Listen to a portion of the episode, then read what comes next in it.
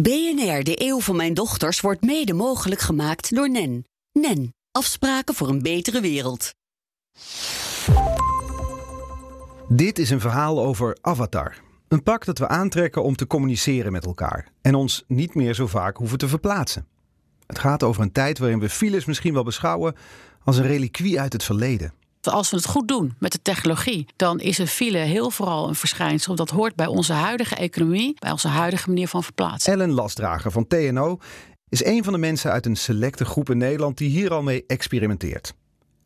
Tegelijkertijd is de slimme mobiliteitsdenker van Nederland, Carlo van der Weijer, resoluut over deelauto's. Het feit dat je een, een uitbreiding van je grot hebt, weet je, dat laat je rotzooi in achter, dat ruikt neer, dan ga je precies zo om als je zelf wil. We krijgen mensen niet uit de auto, ook niet in de toekomst. Dit is de eeuw van mijn dochters. En in deze aflevering leren we alles over hoe we ons in de toekomst vervoeren.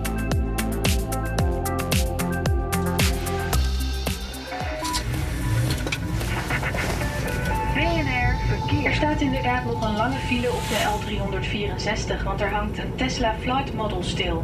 Verder staat er 24 kilometer file op de X2 bij Breukelen. En op de C4 bij Moorgestel staat het verkeer over nagenoeg stil. auto.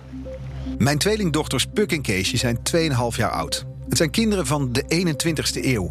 Een eeuw waarin alles in beweging is. We leven niet in een tijdperk van verandering, maar in een verandering van tijdperk. Dit is de eeuw van mijn dochters.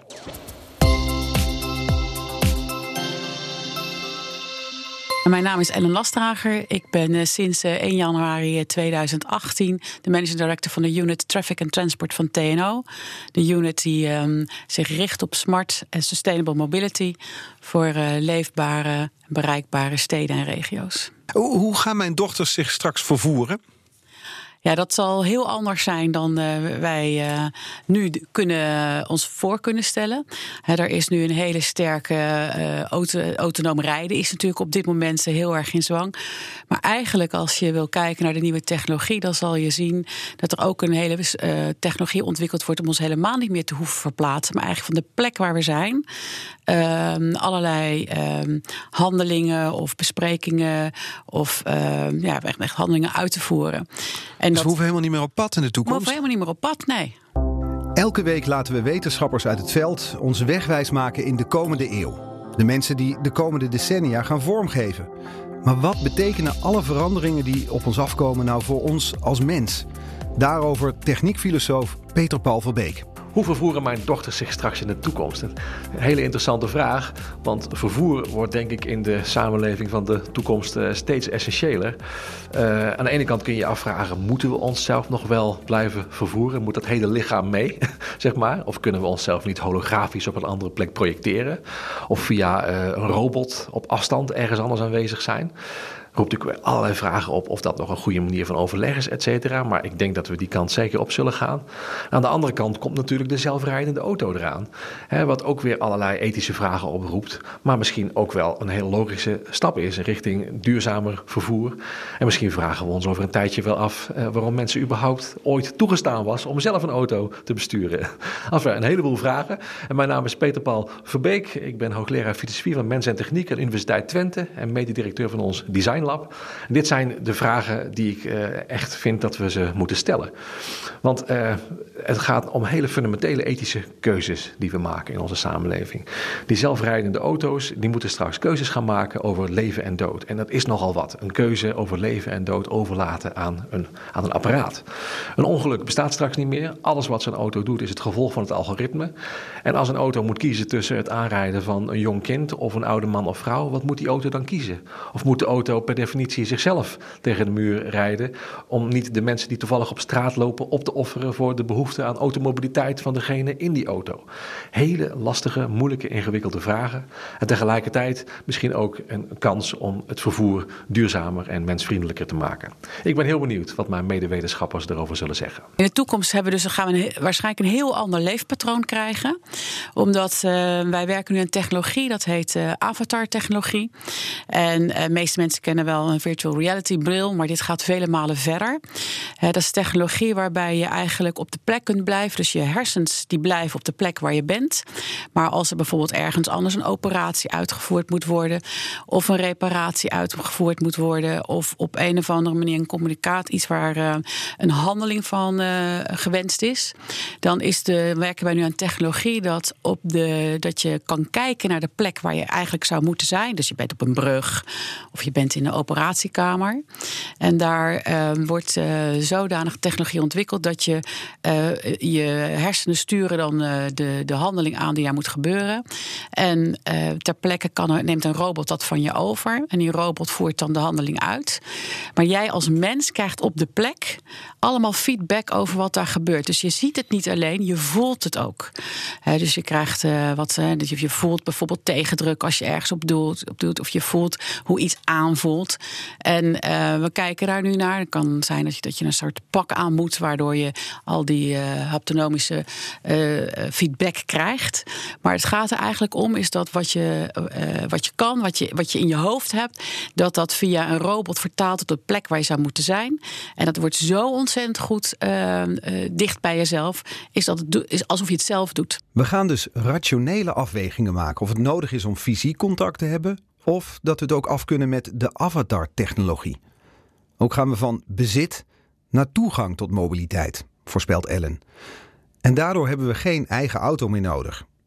Ik vraag me toch af of en hoe dat werkt betekent dat je als eindgebruiker, dat is heel interessant, dat je als, als klant, die daar ook eigenlijk voor betaalt, eigenlijk een keuze gaat maken vanuit wat, je, wat jouw vervoerswens is. Uh, wordt, er dan een, uh, wordt er dan via een platform een aanbod gedaan en daar kies je dan uit. En dat kan zijn dat je. Je kan natuurlijk altijd. Je bent altijd vrij om je eigen auto te gebruiken. Als jij dat wil, dan is dat zo. Maar er wordt dus een alternatief gecreëerd. Die uh, kostentechnisch aantrekkelijk is. Omdat je het bezit niet betaalt als je er geen gebruik van, betaalt, van maakt. Want je, je, je betaalt eigenlijk naar gebruik. En die brengt jou hier op de plek waar je wezen moet. Is allemaal leuk en aardig, maar we krijgen nu de kilometervergoeding er niet eens doorheen. Omdat hè, is betalen naar gebruik. Dat vinden we allemaal ongelooflijk ingewikkeld. Het lukt maar niet om dat politiek er doorheen krijgen. Maar nu zegt, zeg jij, nee, het is niet alleen een kilometervergoeding. Je gaat betalen voor gebruik van het voertuig. Niks eigen auto. Een platform waar je gebruik van moet maken. Ja. Kijk, de, de politieke discussie, dat is, uh, daar, ga, daar gaan wij als TNO niet over. Wij kijken naar de technologieontwikkeling en daar zien we wel een ontwikkeling die ons uh, zorgen baart. En dat is dat we zien dat met name die platformtechnologieën, dat betekent dat je eigenlijk, het is een duur woord om met data, dus data die je hebt van klanten, van, van, van mensen die een telefoon gebruiken, mensen die op een of andere manier via website allemaal data aanleveren, andere partijen in staat zijn om een aanbod op maat voor jou te maken. En die, die stellen dan via bijvoorbeeld leaseconstructies of via hun eigen voertuigen jou iets ter beschikking. En wat je ziet is dat er in de ontwikkelingen daarvan eigenlijk wel politieke aandacht nodig is. Omdat, um, nou, we kennen allemaal de Googles en Amazons van deze wereld. We kennen ook allemaal het probleem van leegstaande winkels. We kennen ook allemaal he, winkelpanden in, in, in het centrum. We, we, hebben allemaal iets met privacy. Zeker in, de, in onze Europese omgeving vinden wij dat allemaal heel belangrijk. Mm -hmm. En je ziet dat, uh, uh, dat het echt ook wel goed is om over na te denken in ho hoeverre dit, uh, dit ook straks een eerlijk economisch spel gaat worden. Het vervoer het vervoer. Want als jij heel veel data hebt en je hoeft dat met niemand te delen, dan ben je ook in staat om een heel goed aanbod te doen. Maar dan kun je ook kiezen op klant. Dan kun je ook kiezen voor wie je wel een aanbod zou willen doen en wie je niet een aanbod zou willen doen. En voor wie je welke prijs vraagt en wie je niet welke prijs vraagt. We hebben dus een meekijkende overheid nodig, waarschuwt Ellen. Om die toegang tot mobiliteit ook voor iedereen te borgen. Mobiliteit van de toekomst kunnen we niet uitsluitend aan de markt overlaten, is haar stelling. Mijn dochters krijgen keus. Of ze gaan voor autonoom rijden, of ze sturen een appje als ze van A naar B willen en het wordt geregeld. Of ze blijven thuis met de avatar-technologie. Moeten mijn dochters eigenlijk nog wel een rijbewijs halen? Een van de grote vraagstukken waar nu aan gewerkt wordt, is het rijbewijs van de zelfrijdende auto. En dan krijgt de, de auto... auto het rijbewijs. En wij hoeven alleen maar in te stappen. De bestuurder wordt passagier. Ja, ja, en dan gaat de auto. En dan de vraag is tot hoe ver kan dat? Maar waarom moet een auto een rijbewijs halen? Nou, omdat we hebben nu nog wet en regelgeving over autonome eh, voertuigen, waarbij je bijvoorbeeld nog geacht wordt om uh, zoveel seconden het stuur vast te houden. Ja, dus je moet steeds, hè, je moet steeds melden, ik ben er nog. Maar uiteindelijk ga je natuurlijk doen naar voertuigen die helemaal geen interventie met de, van de mens meer nodig hebben. Nu is dat nog zo. En wij zijn ook met uh, de veiligheidssimulator, of de reissimulator die we hebben, is daar ook mee bezig. Van hoe lang, hoe, hoe, hoe gaat het dan in interactie? In de tussenfase, waarbij een voertuig autonoom rijdt. Maar op een gegeven moment denkt: Oh, ik kan het niet meer. En jij bent net begonnen met je filmpje op, uh, op Netflix. Dus hoe, hoe, zorg je dan dat heel snel jouw aandacht weer bij het, uh, bij het rijden is? Hoeveel. Maar uiteindelijk zal dat niet meer nodig zijn. Dus uiteindelijk moet de auto een rijbewijs Gaat de auto een rijbewijs krijgen. En dan kun je ook zakken als auto. Ja, daar zijn we. Want wij werken nu aan technologie, scenarioontwikkeling. Dus je moet je voorstellen dat heel veel voertuigen hebben nu al allemaal camera's. Dat zie je niet, maar veel voertuigen, onder andere die ook wij hebben, uh, die, uh, die maken uh, beelden van de weg en van wegverkeerssituaties natuurlijk altijd wel weer nooit op persoon herleidbaar. Um, en waarbij um, gekeken wordt naar, en uh, dat proberen we zodanig een grote database van te hebben. Dat doen we ook in samenwerking met, uh, met andere partijen. Waarbij je kan zeggen, als een voertuig in zijn besturing zoveel scenario's heeft zitten, dan kan die veilig toegelaten worden. We worden dus passagier in plaats van bestuurder. Voertuig gaat rijbewijs halen, wij misschien niet meer. U luistert dit nu misschien terwijl u zelf in de file staat en denkt, interessant allemaal. Maar staan we straks nog in de file? Als er uh, onverhoopt iets gebeurt, zou dat nog kunnen. Maar ik, de, de file-druk uh, zal heel anders worden, omdat door de platformtechnologie er ook nog een, een ander businessmodel gaat ontstaan. We hoeven niet allemaal op hetzelfde moment hoeven niet allemaal op hetzelfde moment op dezelfde plek te zijn. Goederen hoeven niet allemaal. Hè, nu worden er natuurlijk nog heel veel lege vrachtwagens die rijden retour. Uh, er is een parallelontwikkeling met Mobility as a Service in de logistiek. En dat heet Self-Organizing Logistics, waarbij het pakje eigenlijk aan gaat geven: hé, hey, uh, ik moet van A naar B. En uh, via platformtechnologie een plek gezocht wordt. En, en dan betekent het dat je dus minder, dat je efficiënter ladingen gaat krijgen. Waardoor de file druk vermindert. de file druk vermindert. Dus 2050, de filemeldingen, wat horen we dan? Nou, dan horen we waarschijnlijk niet zoveel als we het goed doen met de technologie, dan is een file heel vooral een verschijnsel dat hoort bij onze huidige economie, bij onze huidige manier van verplaatsen. En we gaan naar een andere economie toe. Files als reliquie uit het verleden. Ja. Ja, dan hebben we ongetwijfeld weer andere bijzonderheden.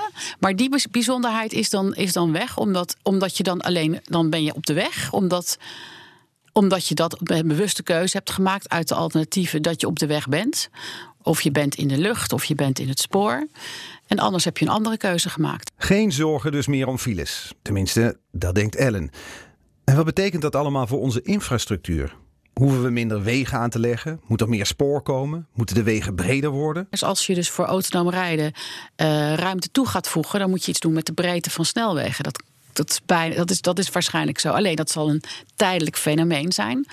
Dus de vraag is hoe die tijdelijkheid, daar, daar, daar kunnen we nog geen uitspraken over doen. Maar de wegen moeten even breder worden om plek te maken voor die auto's die zelf rijden. Ja. En uiteindelijk, als we allemaal zelfrijdende auto's hebben, dan kunnen ze weer smaller worden. Ja, dan zouden ze weer smaller kunnen worden. Ja, dus dan zou die ruimte weer efficiënter gebruikt uh, kunnen worden. Het spoor? Het spoor, daar gelden twee uh, belangrijke dingen in. Uh, wij doen ook technologie, hè, dat autonoom rijden. Dat is technologie wat je ook kunt toevoegen op het spoor. Dus dan gaan treinen autonoom rijden. Dat betekent dat ze dichter op elkaar zouden kunnen rijden als we dat allemaal goed implementeren.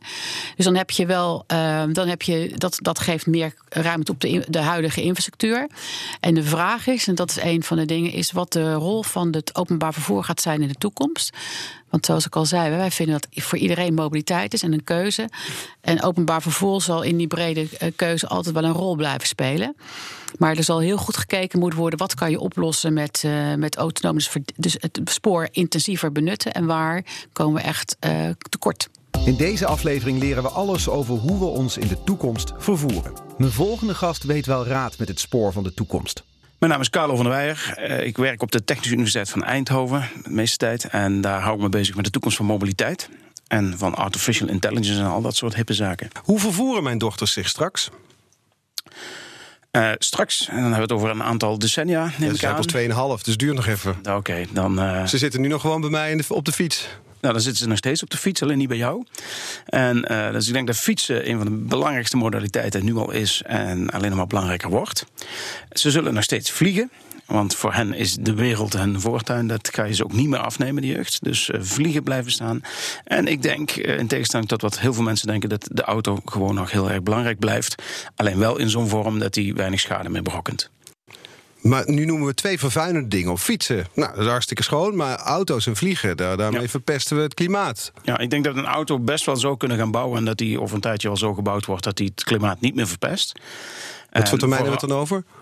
Nou, ik denk dat het nu al ingezet is. Ik denk dat zelfs dat je nu de nieuwe auto's bekijkt, dat er eigenlijk al geen echt milieuprobleem meer aan is. Het grootste milieuprobleem van auto's, zeg ik altijd, is eigenlijk de banden die nogal hard slijten en allerlei microplastics achterlaten. Dat is een groter milieuprobleem dan wat er uit de uitlaat komt. Maar dat is wat makkelijker om op die uitlaat te concentreren. Dus doen we dat maar. Uh, maar de vraag is of er überhaupt nog een uitlaat op auto's zit. Ik denk het niet. Uh, Gaan elektrisch rijden? Ja, dat gaat gewoon. En dat gaat gebeuren niet omdat het schoner is, wat ik al zeg, maar dat is vooral omdat het goedkoper is. Het rijdt veel beter en zo. Dus ik denk dat jouw dochters niet anders weten.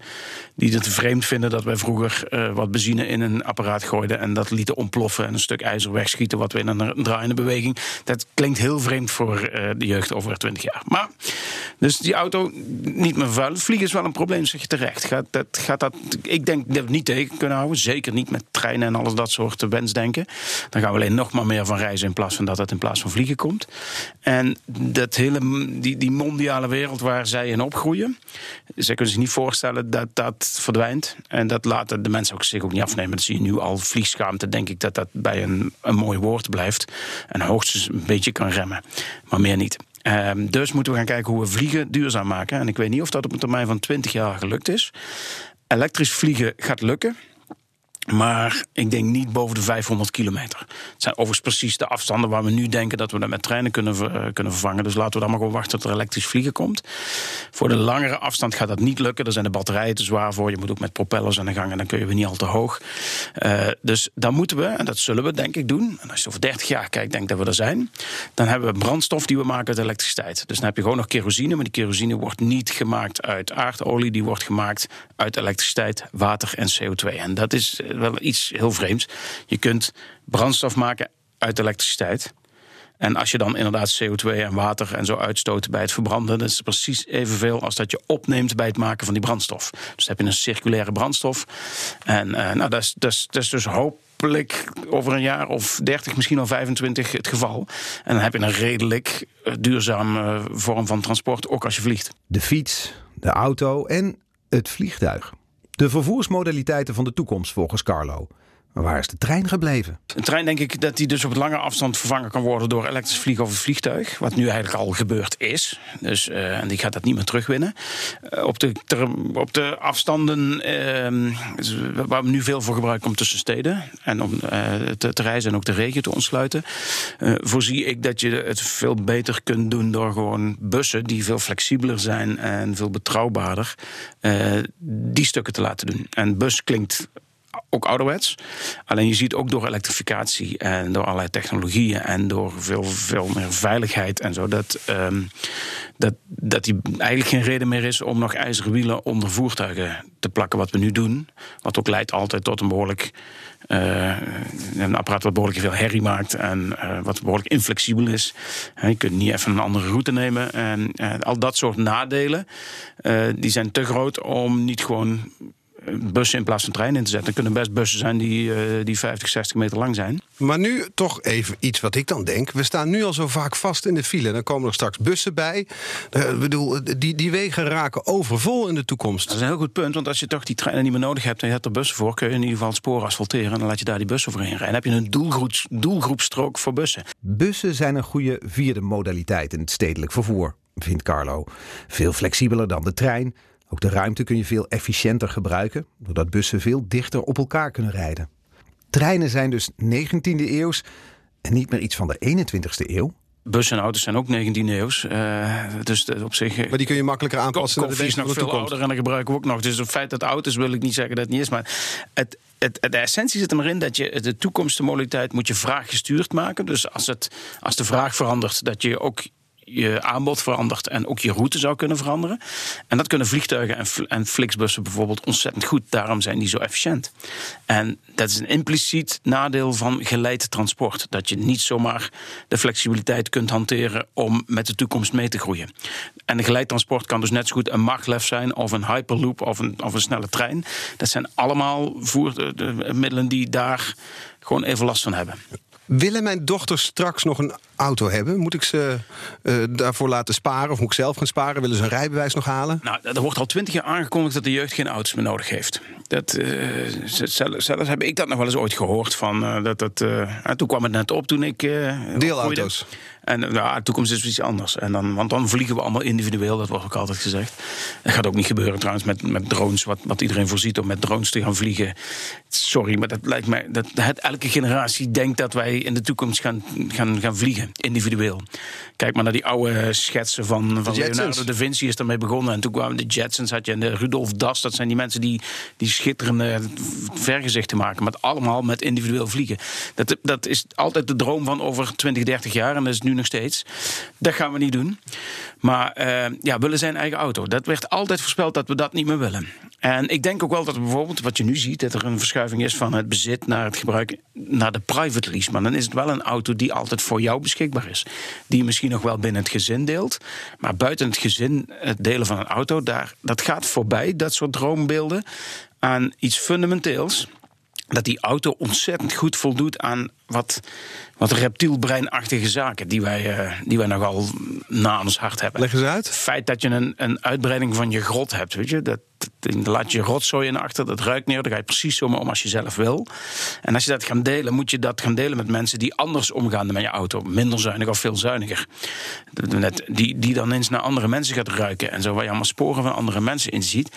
En dat zijn dingen die wij niet willen. Die auto die staat beschikbaar, daar kun je mee vluchten. Die beschermt je. Een stuk uitbreiding van je grot, wat ik al zei. En dat zijn dingen die zo goed beantwoorden aan enkele ja, fundamentele zaken in ons, in ons reptiele brein. Dat dat, dat dat veel moeilijker is om daar afscheid van te nemen. En dat willen mensen niet. Een onderschat probleem van deelauto's, stelt Carlo. Mensen delen hun wc ook niet graag met de buren. Bovendien willen we een garantie hebben dat het er staat als we het nodig hebben. Ik heb veel meegewerkt met dat soort platforms. En ik, er is zeker in steden echt iets voor te, voor te vertalen. Alles wat ik net zeg, je moet wel de ruimte hebben om je auto kwijt te kunnen. En dat heb je in veel steden niet. Um, het, maar zo'n mobility as a service, daar schuilen nogal wat gevaar in. Ten eerste, als je ziet naar de eerste aspect, is het gewoon te duur voor veel mensen. Uh, zo'n abonnement kost dan vaak gesubsidieerd iets van 499 euro per maand, moet je aan denken. En voor 499 euro per maand kun je tegenwoordig ook twee auto's private leasen. En als je de benzine erbij rekent, dan heb je één fatsoenlijke auto private lease en dan lease je er ook nog vier fietsen bij. Dat is het alternatief.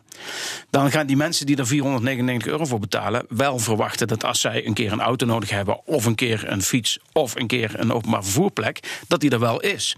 Als zij daar een uur op moeten wachten, dan schakelen ze redelijk snel terug naar een auto en een paar fietsen. Dus als je dat goed wil verzorgen, moet je zo verschrikkelijk veel auto's en fietsen en openbaar vervoerplekken vrij hebben, dat je misschien wel eindigt met veel meer spullen in plaats van minder, wat eigenlijk de bedoeling was. Of je, zorgt dat het serviceniveau omlaag gaat. En dat is dus waar mensen weer geen 499 euro voor betalen. Er zijn wel optimalisatieslagen gemaakt. Zo noemt hij de OV-fiets als een groot succesverhaal. Maar het complete systeem van een app met een aanbod van al die verschillende vervoersdiensten, dat ziet hij niet gebeuren. Mensen gaan niet inleveren op kwaliteit. En bovendien wordt het fileprobleem zwaar overdreven volgens hem. Het is het meest overdreven probleem eigenlijk wat we hebben. Het meest grote luxe probleem. Want, fileprobleem? Ja, fileprobleem wordt als zegt kost 4 miljard. Bij die 4 miljard wordt er van uitgegaan. Dat wordt met een voertuigverliesuur berekend. Dat is allemaal technische termen. Maar eigenlijk wordt er berekend dat als jij een half uur file hebt, dat dat een half keer 10 euro ongeveer wordt er gerekend aan maatschappelijke schade is. Maar ik moet eerlijk zeggen dat ik niet weet wat mijn maatschappelijke schade nou is als jij een half uur beslist, of voor jezelf beslist om in de file te gaan staan. Want vaak is het een relatief vrijwillige keuze. Niet altijd hoor, daar wil ik wel vanaf zijn. Maar uh, in de file staan tegenwoordig niet alleen maar woon-werkverkeer, staan steeds, steeds vaker staat er ook gewoon vrije tijdsverkeer, zeker in de middagfile. Uh, of, of opa, oma die s'morgens toch gewoon in de file gaan staan om bij de IKEA uh, ontbijt, te gaan ontbijten. Dat, dat is ook wel goedkoop. Moeten we daar nog steeds 10 euro voor rekenen? En ook voor die mensen die toch relatief vrijwillig gewoon werkverkeer, die weigeren hun werktijden aan te passen, wat vaak veel makkelijker is. Op een gegeven moment moeten we dat gewoon veel lager gaan waarderen. En als je dus eerlijk kijkt wat de fileschade is, zit je op iets meer dan een miljard. Maar als we het hebben over. Vooral in de logistiek en zo. Maar is het overdreven om te stellen dat we steeds vaker stilstaan? Nee, we, sta, we staan ook wel steeds vaker stil, maar we, het wordt tijd dat we het minder erg gaan vinden. Want, Want als, het hebben over... weer, eh, kijk, als je weer meer asfalt bijlegt, dan komt er gegarandeerd ook weer meer vervoer. Want als je nou goed gaat nadenken waarom dat wij mobiel zijn, zorgen we eigenlijk altijd. We zijn altijd mobiel geweest. Dat is nooit anders geweest. En dat is altijd iets meer dan een uur per dag geweest. Dat zit in ons bloed, in onze genen, krijg je er niet meer uit. Zolang als wij mensen zijn, zijn we een uur per dag onderweg. Het is ergens in de evolutie zo bepaald dat dat het meest optimaal was om te kunnen overleven en je voor te planten. Wat, wat zijn de succesfactoren in de evolutie? En uh, dat iets meer dan een uur zijn we alleen maar aan gaan passen uh, door snellere maatregelen. Dat we alleen maar verder zijn gaan reizen. In dat we zijn minder gaan reizen. En je ziet dus ook dat als je files op gaat lossen, dat mensen automatisch weer geneigd zijn verder te gaan reizen. En het minder erg vinden om iets verder van hun wonen, uh, van, van, van een huis af te gaan werken. En dat soort zaken. Dus zij zijn dan ook minder geneigd om hun werktijden aan te gaan passen. Dus elke capaciteit die ze biedt, zullen ze weer opnemen. Want we willen nou eenmaal onderweg zijn. Dat hoort bij ons Klopt, identiteit en, als mens. Dus, dus eigenlijk, het is een hele mooie vergelijking uh, van, van als, je, uh, als je asfalt bijzet om files te voorkomen. Dat is hetzelfde als dat je, als je wat te dik wordt, dat je een ruimere broek koopt. Daar, dan ben je niet het echte probleem aan het oplossen. Je, het zit wel comfortabel. Het zit comfortabel. Als je echt wil afvallen, wat het echte probleem is, dan hoor je je broek juist, uh, je riem juist een extra gaatje erbij te zijn om wat strekker aan te trekken. Dus als we die files willen oplossen, wat doen we dan? Uh, gewoon accepteren. Dan ben je accepteren. Dus het, accepteren. Het fileprobleem krijg je dus niet opgelost door de file op te lossen, maar wel door het probleem op te lossen. En dat kan op een paar manieren. Eén uh, hele belangrijke is dat in de toekomst in ieder geval in de file je auto zelf rijdt. En dan vind je namelijk de file niet meer zo erg. Dus ik denk dat tegen de tijd dat, uh, dat je in groot zijn, dat het fileprobleem wel opgelost is, maar dat er nog heel, wel files zijn. Alleen dat is een van de makkelijkste manieren voor een auto om een stuk zelf te rijden. Dat zal tegen die tijd kun je niet voorstellen dat je vroeger in de file nog zelf moest rijden. Want dat is wel heel erg makkelijk. En ook lange snelwegritten, allemaal dat soort dingen. Daar gaat die auto van je overnemen. Ik denk niet dat die volledig zelfrijdend is, dat terzijde. Maar het wordt wel een enorm comfortabele manier om van A naar B te gaan als de vervelende stukken ook het ongeval maken, dat is ook een vervelend stuk van het rijden, als dat door die, uh, door die auto wordt overgenomen of voorkomen. En ja, dus zo'n lang, lang stuk op de snelweg tussen Amsterdam en Eindhoven, dat doet die auto zelf. En als je dan in de stad komt, dan pak jij zelf het stuur weer over. En dan heb je eigenlijk al 95% van het probleem van, van auto's opgelost. Ook als je daarbij nog een keer zegt dat ze ook een keer schoon zijn en impliciet veilig. En dat ze ook een keer veel goedkoper geworden zijn, want ze worden goedkoper. Ja. Maar, maar, maar, toch even dat fileprobleem. Moeten we ons nog wel zoveel vervoeren in de toekomst? Ja, dat klopt. Dan moeten we gewoon, wij moeten iets, ons iets minder gaan vervoeren. Daar ben ik, daar ben ik het helemaal mee eens. Want Hoe doen we dat? Het, er is op een of andere manier, we zijn exponentieel verder gaan reizen. Als je kijkt, uh, voor mij was het, was het bijzonder als er iemand in mijn, uh, zelfs op de middelbare school, als er iemand gevlogen had, dan was er zo heb gevlogen, dan ging je vertellen hoe fantastisch dat was. Als kinderen nu twintig zijn, zijn ze al een keer of tien met vliegtuig weg geweest of zo. Dus we zijn steeds maar verder gegaan en verder. En er heeft weinig economisch en maatschappelijk nut om nog verder te gaan. Dus we moeten gewoon eens wat minder gaan reizen. Maar ja, gaat dat gebeuren? Ja, dat, dat, dat, is, dat vind ik de grote vraag of, de, of ons dat lukt tussen nu en, en zeg maar 20 jaar. Om het hele systeem zo in te richten dat we er niet op snelheid, waar verkeerskundigen altijd op sturen, met dat voertuigverliesuur en weet ik het allemaal, maar voorkomen dat het door blijft stromen. Terwijl dat helemaal niet het doel is. Wat moet het doel moet wel zorgen zijn? dat mensen een prettige reis hebben, dat ze in dat uur, wat, wat, wat ons natuurlijk budget is voor mobiliteit, alles kunnen bereiken wat je wil bereiken. En uh, ja, als we dan ook nog redelijk duurzaam naar het buitenland kunnen vliegen. om daar ook eens af en toe mensen tegen te komen. Dat lijkt me helemaal niet slecht voor de maatschappij. Dan denk ik dat we het goed ingericht hebben. Maar ga je steden helemaal anders inrichten. Dat, dat, dat je er kunt verblijven en juist langzaam kunt reizen. om die reis veel prettiger te maken in plaats van veel sneller te maken. Want dat brengt economisch en maatschappelijk niks. Wij als mens wel. Ik wil toch niet langzamer? Waarom zou ik langzamer willen? Is het compleet tegen mijn eigen instinct in? Ja, mensen die met hun fiets naar het werk gaan, zijn daar ontzettend over te spreken. Mensen die, van, die eerst 60 kilometer van hun huis werken en dan een baan krijgen op 6 kilometer dat ze kunnen fietsen. Die zijn zo verschrikkelijk veel gelukkiger van die 6 minuten fietsen, of van, van dat half uur fietsen, dan van vroeger dat half uur in de auto zitten. En, ja, maar dat, is nog, dat is een ander vervoersmiddel. Maar het gaat, het gaat mij erom dat als ik me door de stad heen beweeg. Als, als je, al rijdt. Kijk, ik, ik, ik kan je ook oprecht zeggen, mijn auto rijdt in de file. En ik vind de file niet meer erg. Sterker nog, ik vind het wel even makkelijk dat ik even, in, even, even ik sta elke ochtend een minuut of acht voor Eindhoven. Dat is, dat is een Brabantse file, acht hm, minuten. Dus behoorlijk dan? Dat ben nu, weet je wel. Ja, ja, ja. Rotzakkie is dat. Ja, dan sta je acht minuten in de file en dan heb ik aan het lijns heb ik in ieder geval de, de Twitter alles bekeken en ik heb de mail een beetje bijgewerkt. Dat je auto rijdt zelf dan? Die rijdt zelf in de file. En er zijn in over twintig jaar weinig auto's die dat niet kunnen. Accepteren dus. Een toverwoord voor meer zaken in het leven. Tegen de tijd dat Puk en Keesje de auto starten, is het fileprobleem wel opgelost, stelt Carlo. Maar er zijn nog wel files. We moeten anders gaan denken. De auto gaat straks namelijk zelf rijden. Dan vinden we de file helemaal niet meer zo erg. En we moeten ons minder gaan vervoeren. Volgens Carlo is het de grote vraag of dat ons gaat lukken de komende 20 jaar. Ons systeem niet meer op snelheid, doorstroming inrichten, maar zorgen voor een prettige reis. Van dat gaspedaal af dus. En bon voyage.